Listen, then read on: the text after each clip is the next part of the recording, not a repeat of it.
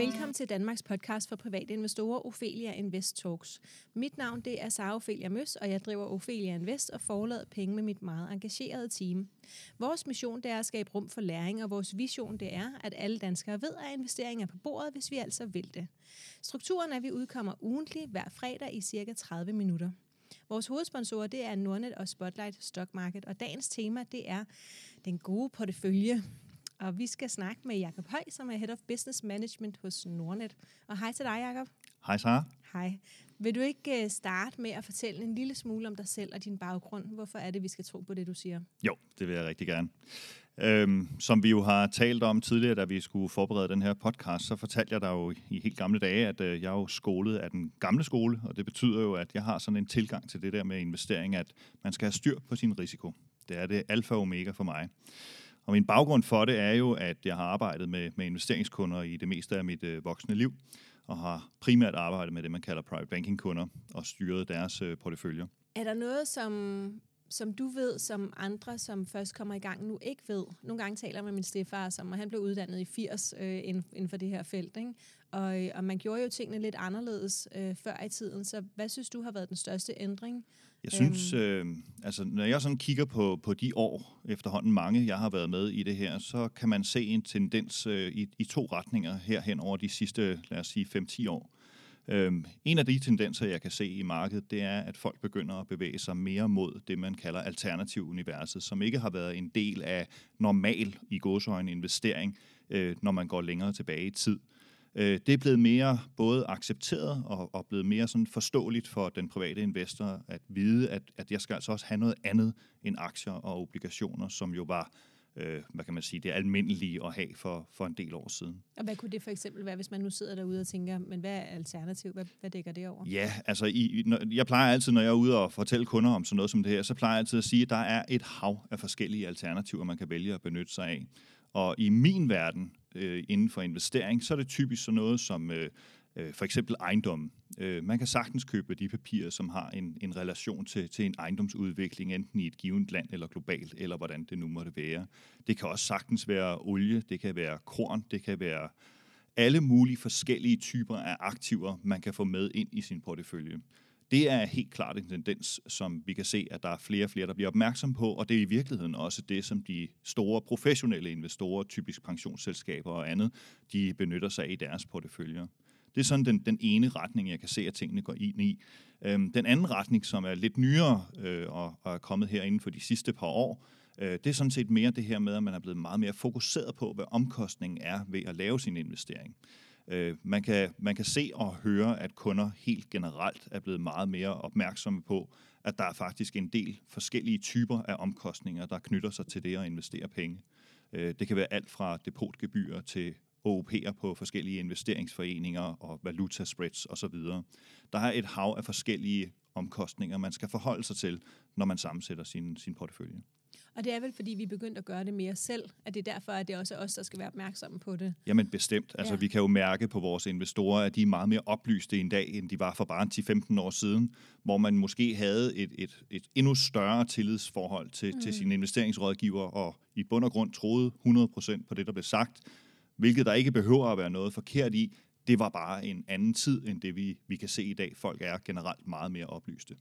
Okay, det er jo så generelt for hele samfundet, ja. Øh, tænker jeg, så, så det giver jo mening, det også spiller over i uh, dit felt. Bestemt, ja. ja. Okay, så det vil sige, at uh, hele alternativuniverset, og så den her omkostningsbevidsthed, ja. øhm, det er sådan det, der er nyt fra for uh, 20 år siden, eller Ja, det eller kan man mere. sige. Ja, ja. okay.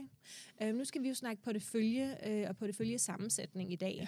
Øhm, og vil du ikke starte med lige at sådan afklare, hvad er det egentlig begrebet portefølje dækker over? Jo, altså når man bruger udtrykket portefølje, så er det i virkeligheden bare den sammensætning af den type værdipapirer, du nu engang vælger at have din formue i. Og der er jo nogle mennesker, som sværger til at have alle deres penge placeret i enkeltaktier, hvilket for mit vedkommende kan være fint nok, men det er bare med en anden type risiko. Når man kigger på sin portefølje eller sin sammensætning af værdipapirer, så for mig, og derfor jeg sagde, at jeg var af den gamle skole, så for mig er det vigtigt at have styr på, hvad det er for en risikoprofil, man, man vælger at investere sine penge med. Og det kan være rigtig svært for en privat investor at forholde sig til, fordi hvad betyder det for mig at have 80% af min investering placeret i aktier? hvad, hvad er det reelt set? Jeg kan godt forstå, at jeg måske har en høj risiko, men hvad betyder det for mig? Øh, og det tror jeg at noget af det, der er det aller, aller sværeste som privatinvestor i dag, hvis man selv vælger at sammensætte sin portefølje, det er at have overblikket over, hvad er det i virkeligheden, jeg har påtaget mig af risiko, når jeg vælger at, at have x antal procent aktier i min portefølje. Og, og hvordan bliver vi så klogere på det? Jamen altså, der findes et hav af værktøjer ude i markedet. Der findes masser af, af virksomheder, som lever af at sammensætte porteføljer. Der er masser af uvildige typer derude, der kan lave porteføljeforslag mål på, hvordan din overordnede fordeling mellem aktier og obligationer og eventuelt alternativer skal være. Men hvis vi går skridtet tilbage, så hvordan opdager jeg, om hvordan min risiko er? Jamen, det er sådan helt lavpraktisk, så kan man sige, helt, helt ned i detaljen, så kan man sige, jo højere en andel af aktier du har, jo højere en risiko har du. Men der er jo stor forskel på aktier. Der er stor forskel på at købe en Novo Nordisk aktie eller en russisk small cap aktie. Der er meget, meget stor forskel på det, man kalder volatilitet, altså risiko på den enkelte aktie. Mm. Øhm, godt.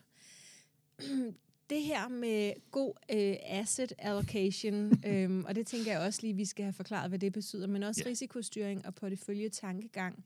Ja. Øhm, alt det øh, er noget, der betyder meget mere for dig måske, ja. end for mange andre. Vi har alle sammen et eller andet, vi går op i. Øhm, for mig er det diversificering, ja. øh, som, som ligger mit hjerte nært. Ja. Øh, men, men det her med asset allocation, ja. øhm, måske skal vi starte med lige at forklare det udtryk. Lad os gøre det. Asset allocation er sådan helt i bund og grund, så er det i virkeligheden bare sammenhængen mellem dine aktiver. Hvordan fordeler du dine aktiver? Og, og god asset allocation kan gøres på mange forskellige måder. Der er ikke i gåsøjne noget rigtigt og forkert her. Der er sådan set bare en holdning til, hvordan skal min fordeling mellem mine aktiver være. Og det, det er sådan øh, grundlæggende asset allocation, og jeg kan øvrigt sige, at hvis man sådan kigger bredt ud i de professionelle investorer, så er det det, alle benytter sig af primært. Der er ikke ret mange af de store professionelle investorer, der laver det, man på engelsk kalder stockpicking, altså vælger enkelte aktier ud, fordi de tror, at de vil klare sig bedre end markedet generelt. Langt, langt, langt de fleste penge, der er investeret af professionelle, de ligger i asset allocation modeller. Og, og en asset allocation model, hvis vi forestiller os en lavkage, så har det bare, at, at de forskellige lavkagestykker, øh, det kunne være, at der så var et stykke, der hed aktier, et stykke, ja. der hed obligationer, og så videre rundt, præcis. også inklusiv de alternativer, som du startede med at fortælle om. Lige præcis, ja. Okay. Og det er i virkeligheden det indbyrdes forhold mellem de aktiver, som du nogle gange har, som gør, hvordan din portefølje ser ud rent risikomæssigt. Og derfor og også, hvordan de klarer sig. Præcis også, hvordan de klarer sig, fordi det er jo typisk sådan, at hvis du køber enkeltaktier, øh, så har du selvfølgelig chancen for at tjene rigtig gode penge. Har man for eksempel købt DSV i år, så tror jeg, at den ligger op med cirka en 6-67 procent i år. er det rigtigt? Ja, og hvis du har købt Ambu, så har du cirka tabt 32. Okay. Og derfor er der himmelvid forskel på, hvis du bare har købt C25-indekset, så ligger du i plus med omkring en 18-19 procent for året. Og det er den model, man kan sige, jeg sværger til, hvor jeg siger, jeg går ikke ud og vælger det enkelte aktiv, fordi jeg tror på noget mere end andet, men jeg går ud og vælger hele porteføljen, altså hele sammensætningen, i det her tilfælde, af de danske 25 største aktier og man kan sige, der er intet forkert i. Vi har masser af kunder i Nordnet, som benytter sig af det her stockpicking, som vælger at handle enkelte aktier, fordi de har en fornemmelse eller en holdning til en given virksomhed, og det er der ikke noget forkert i. Mit argument er bare, at hvis du har en, en, en sammensætning eller en formue på eksempelvis 100.000 kroner, så er det rigtig fornuftigt at sige, at nogle af de her 100.000 kroner, dem skal jeg måske sørge for, at de har en lidt mindre volatil, altså risikofyldt øh, udsving i, i den del af pengene, hvorimod at nogle af pengene kan jeg så vælge at bruge til stockpicking. Så de to ting går rigtig godt hånd i hånd, men, men det at sværge til det ene frem for det andet, det er der, jeg mener, at man skal, der skal man tænke sig lidt ekstra om, synes jeg. Ophelia Invest Talks er sponsoreret af Nordnet Markets. Nordnet Markets er Nordens bredeste kortagefri udbud af børshandelprodukter, hvor du kan investere i op- og nedgange i forskellige indeks, råvarer og aktier verden over. Udbuddet omfatter både bull- og bear-certifikater samt mini-futures. Bemærk, produkterne er komplekse og kræver en god forståelse for de underliggende markeds- og produktspecifikke vilkår og egenskaber. Du kan læse mere på nordnet.dk jeg plejer faktisk at bruge sådan et billede med en, øh, en smørbrødsmad, hvor vi har rugbrødet, som er vores fonde, og så kan Ja. vi putte nogle enkelte aktier, og så Ja. måske lidt alternativer jo længere op på maden, der vi kommer, og så bliver det også mindre og mindre det, der er på. Ikke? Ja. Øhm, men under det, der har vi en tallerken, som er pensionen, og bordet, som er ejendommen. Ja. Eller omvendt. Jamen, det synes så, jeg... så hvordan den, her- det her med pensionen og, og eventuel ejendom, hvordan, det var egentlig det, jeg ville frem til, hvordan spiller det ind i, øhm, fordi du siger, hvis, det er jo fint, hvis man har 80% aktier, det må man gerne, Øh, men det, kan det ikke være, fordi man netop har ejendom og pension, som er investeret bredt? Jo, altså jeg, jeg, jeg- jeg giver dig jo rigtig meget ret i det, du siger. Jeg tror bare, at hvis man kigger generelt ud i markedet, så tror jeg ikke, at den private investor kigger på det på den måde. Jeg tror ikke, den private investor normalvis vil tænke, okay, jeg har jo også min ejendom her ved siden af, som er en del af min formue, altså investeret formue. For en ejendom er jo en investering, vi gør. Det kan godt være, at meningen er, at vi skal bo i den i rigtig mange år, men som udgangspunkt har vi jo investeret en hulens masse penge i den givende ejendom. Så, så det er jo også en del af din samlede formue. Jeg synes i virkeligheden, at det er et rigtig godt perspektiv at se tingene i, at når du kigger på din samlede formue, så er det altså inklusiv alle dine aktiver. Og nogen vil klare sig rigtig godt, og nogen vil klare sig mindre godt. Sådan er det typisk. Og hvordan skal, vi, hvordan skal vi forholde os til, at vores pensionsmidler også er investeret, når vi sidder med vores egne frie midler og investerer for dem? Altså det, det er faktisk Skal vi rigtig tænke det med ind i lavkagen? Ja, det synes jeg bestemt, man skal. Altså det, jeg synes, man skal være meget opmærksom på, når vi kigger på pensionsdelen af den formue, man nu engang øh, er- er i besiddelse af, det er, hvad er det, jeg har sagt til mit pensionsselskab, at min risikoprofil skal være. Det, man sådan helt typisk kan se, hvis vi kigger bredt, det er faktisk, at folk de ligger med alt for lav risiko mm. i forhold til den alder, de har. For en pensionsordning er jo alt afhængig af, hvor gammel man er, men så er det jo en langsigtet investering. Og vi ser bare rigtig ofte, at der er altså folk på både 30 og 40 år, der er gamle, som har lav risiko på deres pension. Og det er drøn ærgerligt, for al historik viser, at det godt kan svare sig at tage mere risiko, hvis du har tidshorisonten til det. Og det har man jo i hvert fald på pension. Og, og hvad er, hvis man har tidshorisonten til det? Hvor meget, øh, hvis vi nu siger, okay, men, men alle, som er under 40, hvilken risikoprofil burde de ligge med? Ja, det, det, er et, det er et fantastisk spørgsmål, som du nok kender svaret på, men, øh, men nu giver jeg dig det alligevel. Det er selvfølgelig en individuel ting. Det er jo noget, man selv skal forholde sig til. Hvad har jeg det godt med? For jo mere risiko du har, jo mere svinger den formue, som du har i pension selvfølgelig også. Men jeg kan da godt afsløre, at for mit vedkommende, jeg er 45, og jeg har jo en del år til pension endnu, tør jeg da godt at sige. Øh, Og jeg ligger altså i den aller, allerhøjeste risiko, jeg overhovedet kan tage.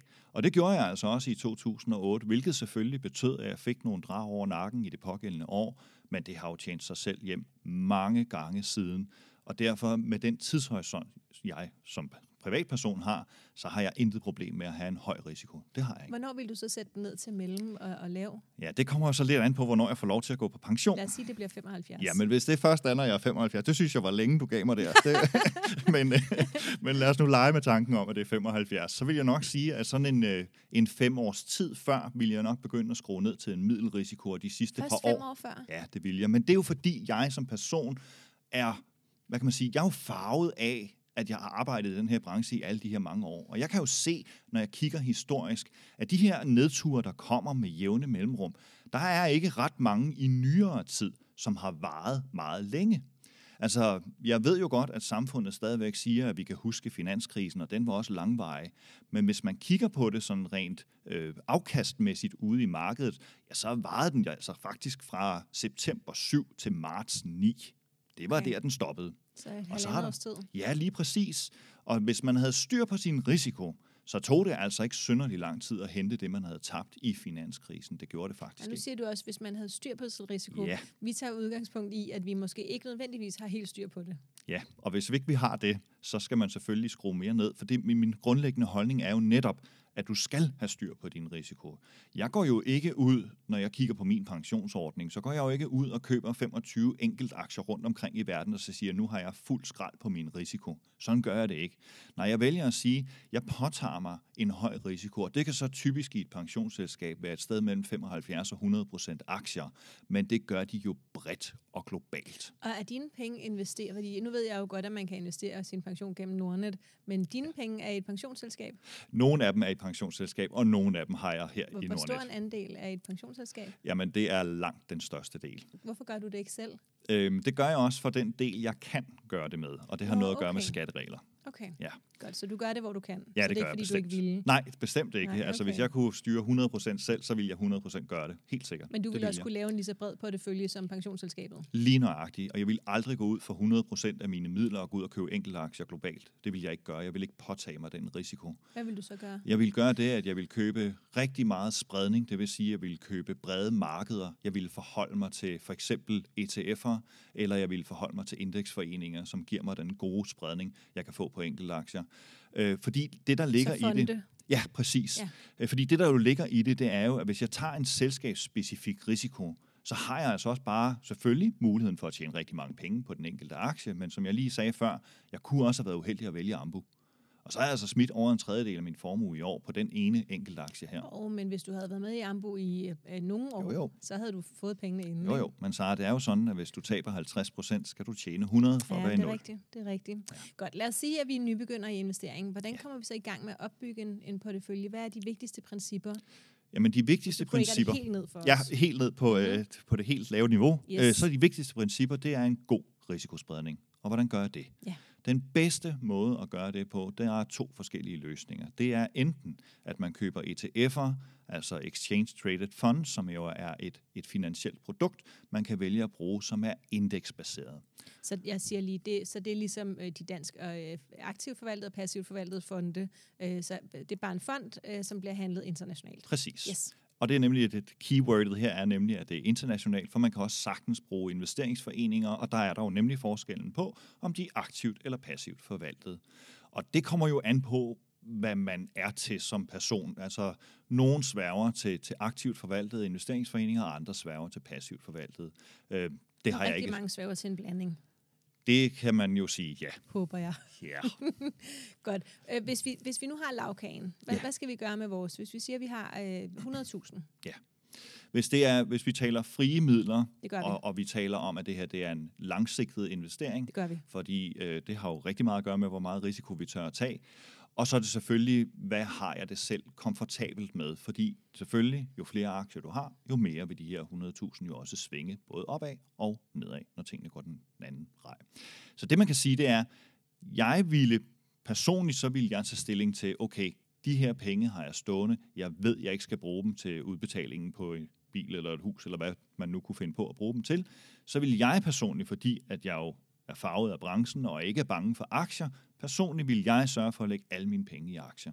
Så 100.000 i aktier. Ja, det vil jeg gøre, mm. men der er som sagt ikke noget rigtigt og forkert, for det kan være lige så fint at have en blandet investering, hvor du både har aktier og obligationer, og hvis det er rigtig godt, så har du også sørget for at få alternativer med ind i din portefølje. Og hvor stor en andel skal de forskellige være? Jamen igen, Du det, tegner en det, lille cirkel her. Ja, jeg kan godt se, du tegner, og det, det er jo meget fint. Altså, øh, det, det er rigtig svært at svare på sådan bare en til en. Øh, Hvis man sådan kigger på nogle af de produkter, som, som vi har i Nordnet, så kan man sige, at hvis du tager sådan det, vi vil definere som værende en middelrisiko, så skal du have sådan cirka en 50-60 procent aktier, og så skal du have omkring en, en 20-30 procent obligationer, og resten skal så fordeles til alternativer. Og, og, og grunden til det, det er sådan set også, fordi vi står i en periode nu, hvor vi har historisk lave renter. Og det betyder jo også, at den obligationsandel, som du har, altså vi bliver nødt til at kigge på tingene lidt anderledes, end jeg gjorde, da jeg sad og var investeringsrådgiver ude i den virkelige verden. For dengang var det jo god kutyme at sige, at når dine aktier faldt, så steg dine obligationer, så de kompenserede hinanden rigtig mm. godt. Men der havde vi altså også et renteniveau på både 6 og 7 procent. Det har vi jo ikke i dag. Nej. Og derfor må vi også have en, en formodning, eller i hvert fald en forventning om, at skulle aktier tage en tur nedad, så bliver det rigtig svært at kompensere på obligationssiden, for renten er så lav nu, og jeg tør ikke at sige, at den ikke kan blive lavere, for det har jeg sagt i flere år, så det er jo blevet gjort til skamme, men jeg har rigtig svært ved at se, at renten kan komme markant længere ned, end den er nu. Og derfor bliver du altså ikke kompenseret på samme måde på obligationer i dag, som du har gjort tidligere. Så det er alternativerne, at vi skal øh, kompenseres? Ja, det, det synes jeg helt bestemt. Og, og det giver også rigtig god mening, at vi har endnu en aktiv klasse at kunne putte penge i, når nu vi står i en situation, hvor obligationsrenterne er historisk lave.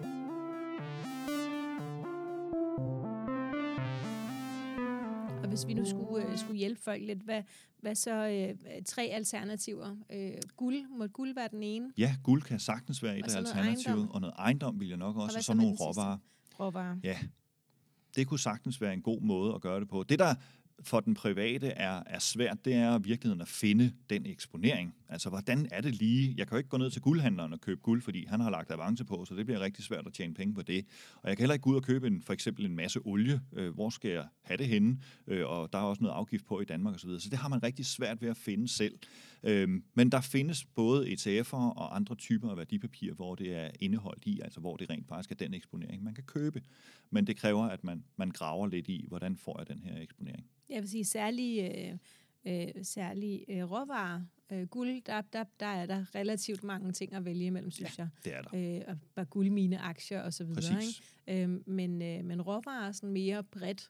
Øhm, Det er- den, det den er er, noget lidt sværere. sværere, Ja, ja, det er det er også det, der fylder lidt. Og det øh, samme med, med ejendom. Altså, der findes forskellige ETF-typer, der, der, men, men det, der kan være svært at gennemskue, det er i virkeligheden, hvad, hvad er det for nogle ejendomstyper, jeg køber ind i her? For mm. der findes jo altså også et hav af, af forskellige typer af Ja. ejendom. Og, og regionsmæssigt, det er ikke sikkert, at jeg har lyst til at købe rigtig mange kontorbygninger i Chile eller Colombia. Øh, Så det skal man selvfølgelig sætte sig lidt ind i, hvad det er, man, man køber ind på der. Men der findes faktisk også danske investeringsforeninger, som, som gør det blandt andet i ejendommen. Der, Ja. der findes der nogen derude. man der er også kommet flere alternativer, Ja. ja. som Brickshare, Cameo, Lige som præcis. lader os købe ind på ejendom sådan mere øh, gennem de her nye platforme. Ikke? Præcis, Øhm, præcis. Hvad hvis vi ikke har penge til at sprede os og købe en hel masse forskelligt? Hvad skal vi så gøre, hvis vi nu har 500 kroner om måneden, eller lad os sige Ja. 1000 kroner om måneden, og Ja. gerne vil bygge en portefølje? Jamen, der er, der, der er det jo så heldigt, at det er hos mig, du sidder, fordi vi, vi har jo helt tilfældigvis et produkt, man kan købe fra 100 kroner, som netop giver det her. Fra 100 kroner? 100 kroner. Hvad er det for et produkt? Det hedder Nordnet Smarte Porteføljer. Er det helt ned til 100 kroner? Det er helt ned til 100 kroner, ja. Hvad så det. quotation? Den er 0. Okay. Ja. Øh, er og der er altså ikke faktisk heller ikke... Nej, det havde det vi er ikke, så jeg er glad for, at du spørger. og jeg kan øvrigt sige, at der er heller ikke nogen spreads på, man handler på indre værdi. Øhm, så, så det er Så en, er det en, en rigtig fond? god måde. Ja, det er en international fond, så det er et, øh, et lagerbeskattet produkt. Så det skal man selvfølgelig være opmærksom på, hvis vi taler frie penge. Godt, og det forklarer vi også lige. Så lagerbeskattet, det betyder, at vi bliver beskattet af det, vi har på lageret. Så øh, inden vi øh, altså realiserer hverken eller enten gevinst eller tab, så, øh, så bliver vi årligt beskattet af den øh, det gevinst eller tab, som vi har på lageret, altså på depotet. Ja, lige præcis. Godt. Lige Okay, så den opfører sig som en ETF, Ja. men er ikke en ETF. Den er ikke en ETF, det er en Nej. usage-godkendt in- investeringsfond. Ja, det der usage, det er der ikke nogen af os, der helt ved, hvad Nej, betyder. Så det må du selv Men det er i virkeligheden bare en blåstempling fra EU på, at okay. det her det er et papir, som er i gåseøjne nemt at gennemskue og godkendt. Øh, Og, og de der smarte porteføljer, fordi det eneste, jeg ved om dem, det er, at det er syntetiske produkter. Det vil sige, at de I ejer ikke de underliggende aktiver, øhm, men bare udviklingen i aktiverne. Ja, det, det er korrekt. Øhm, uden at det skal blive meget teknisk, Ja. det kan det godt blive, Ja. så kan man sige, at, at det her produkt, det det i virkeligheden gør, det er, at det skaffer eksponering mod forskellige aktiver. Men det bruger det, man kalder finansielle instrumenter til at skaffe eksponeringen med. Og nu skal jeg passe på, at jeg ikke går alt for meget ned i detaljen, Ja. øhm, men helt grundlæggende så handler det sådan set om, at man bruger det, man kalder swap-kontrakter, til at skaffe den eksponering mod det givende aktiv. Og det er globalt, vi taler om her. Det vil sige, det er både globale aktier, globale obligationer og globale alternativer, som ligger i det her. Godt. Så jeg tænker, det er jo positivt, at vi kan være med for 100 kroner, og Ja. der ikke var nogen kortage. Øh, så langt, så godt.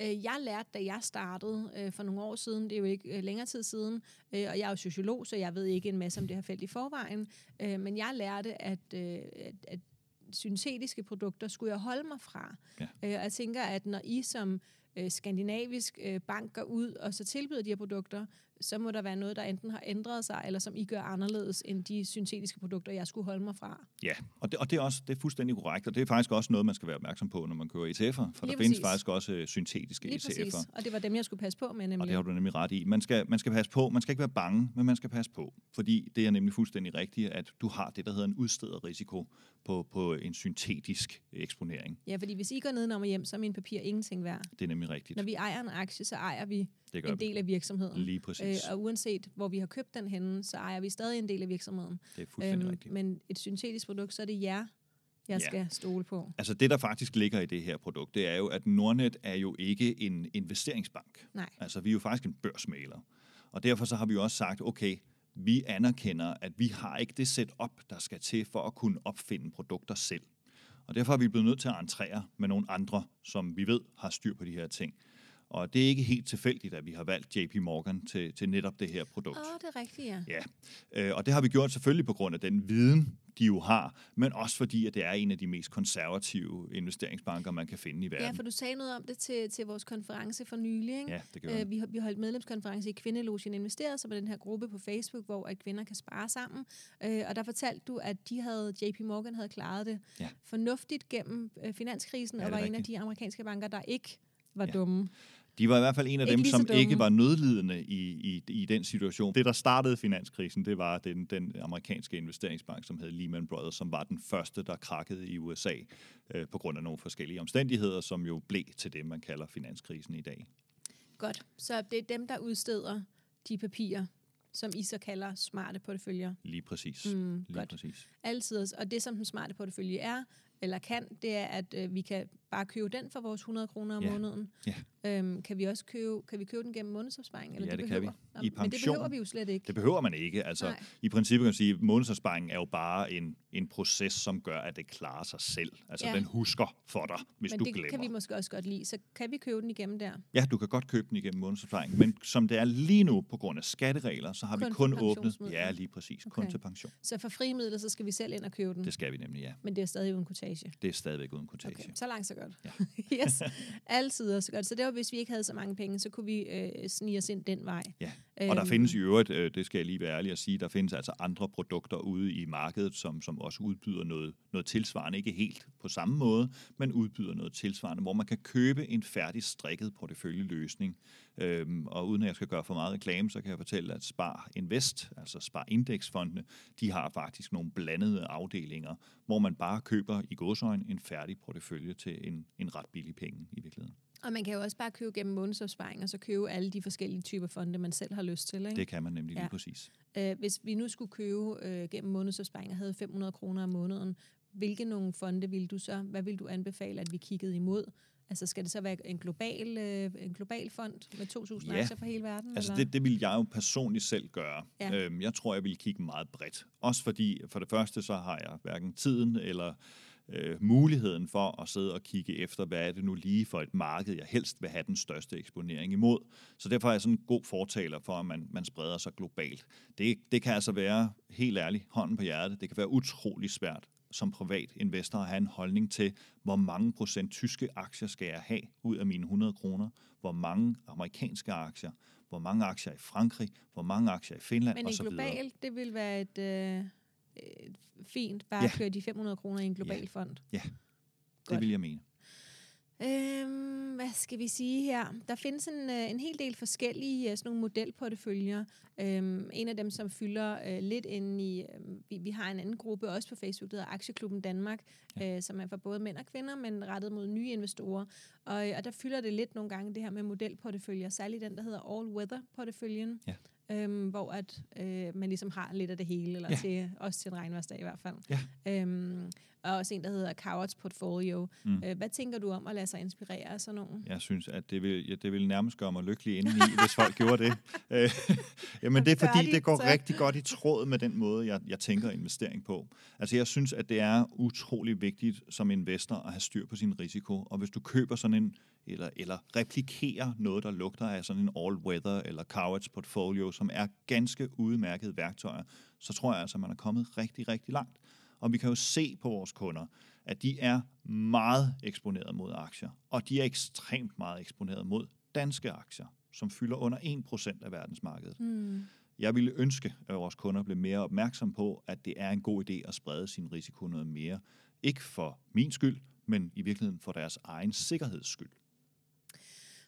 Øhm, hvis, øhm, hvis vi skal kigge lidt på, hvad den nye skole er inden for porteføljesammensætning, er det så de her øh, smarte porteføljer, som du nævnte? Jeg vil sige, nu, nu er smarte porteføljer, det er et produkt, som, øh, som er relativt teknisk. Øh, det, der ligger nede i selve porteføljesammensætningen, er ret teknisk, fordi den gamle skole siger, du skal have x antal procent aktier og x antal procent obligationer, og så har du en given risiko. Men, men det er bare ikke den hele sandhed. For det er nu engang sådan, at hvis man kigger på, på det ord, jeg brugte tidligere, der hedder volatilitet, altså udsving, så har en aktie altså ikke altid den samme risiko. Aktier enkeltaktier kan svinge mere eller mindre i givende perioder. Og det kan jo være selskabsspecifikt. Det kan jo være noget, som en given virksomhed kommer ud for. Og, og jeg skulle lige til at sige, Gud forbyde det, men lad os tage Novo Nordisk som et eksempel. Øhm, det er jo sådan, at, at danskerne elsker Novo Nordisk. Det kan vi se. De største beholdninger, vi har her i Nordnet, det er Novo Nordisk. Dem er kunder meget glade for. Og det er også en god virksomhed. Selvfølgelig er det det. De tjener penge, og de har jo opfundet insulin, og det er fantastisk. Det, jeg tror, der ikke er ret mange, der tænker på, eller måske overvejer, det er, der er jo ikke ret mange, der ved, om der står en eller anden forsker et eller andet sted, og har opfundet en pille, som gør, at sukkersyge er kureret i morgen. Og kommer vi ud i den situation, det håber jeg selvfølgelig ikke for Novo Nordisk, at vi gør, men skulle vi komme ud i den situation, så er Novo Nordisk altså en virksomhed med nogle helt andre egenskaber, end de har været. Og det betyder, at risikoen i Novo Nordisk aktien vil stige voldsomt. Det kan godt være, at den falder, eller hvis det modsat skulle være tilfældet, at den steg rigtig meget på grund af noget andet, men risikoen i den enkelte aktie vil være anderledes end den historik, vi kender. Og det betyder, at når man sådan kigger på en portefølje af aktier, så er risikoen aldrig konstant i en portefølje af aktier. Den ændrer sig hele tiden. Det, som smarte porteføljer gør, den forholder sig udelukkende til risiko. Den kigger kun på, hvordan risikosammensætningen er på de værdipapirer, og det justerer den automatisk hver evig eneste måned. Og derfor så er tankegangen i smarte porteføljer er meget anderledes end den, den traditionelle måde at gøre tingene på, hvor man har sådan et, et halvstatisk øh, tilgang til, at det er altid 60% aktier og 40% obligationer, og så kan, vi, så kan vi rykke en lille bitte smule på det, men, men sådan overordnet, så er det altid den her fordeling. Sådan er det ikke i smarte porteføljer. Ryger der risiko ud af aktiemarkedet, så køber vi mere op på aktiesiden. Kommer der risiko ind i aktiemarkedet, så reducerer vi risikoen på aktiesiden.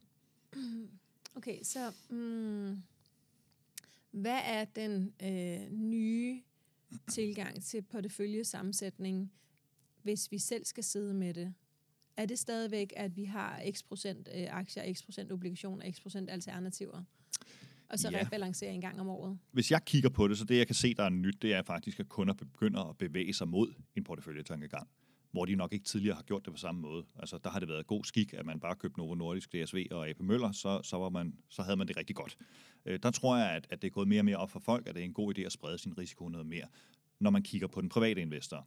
De professionelle har gjort det her i overvis men den private har ikke rigtig taget det til sig øh, okay. endnu. Og det kan vi mærke, at det er altså den vej, at, at tingene går. Så den her øgede øh, tilgang til viden, øh, som vi alle sammen har, ja. kvæg internettet og så videre, det gør altså, at vi også bliver bedre investorer? Ja, bestemt. Ja. I allerhøjeste grad. Jamen, det var en dejlig note at, øh, at slutte på. Har du et, øh, et sidste godt råd til, til vores lyttere omkring porteføljesammensætning? Ja, jeg vil, jeg vil helt kort så vil jeg sige, at det aller, aller vigtigste som privatinvestor, det er at ikke at være bange for at sprede sin risiko. Lad være med kun at købe nogle enkelte aktier. Spred nu din risiko, sådan så du ikke bliver så hårdt ramt, når tingene går den anden vej. Tusind tak skal du have, Jacob, og tak fordi vi måtte øh, lægge vejen forbi. Du kan følge os derude på øh, Facebook, Instagram og YouTube, altså Ophelia Invest. Feedback er altid velkommen. Hvis du har ris, ros eller forslag, så send endelig en mail til kommunikationsnabla.opheliainvest.dk. Du er også meget velkommen inde i både Aktieklubben Danmark og Kvindelogen Investeret, vores to investorgrupper på Facebook. Og så kan jeg også godt allerede nu begynde at gøre reklame for Danmarks største investeringsevent, som løber af stablen den 28. marts 2020. Det er selvfølgelig Nordic Invest Camp. Vi sætter hele finansbranchen på den store scene og dig nede foran. Og så er der bare tilbage at sige tusind tak, fordi du lyttede med.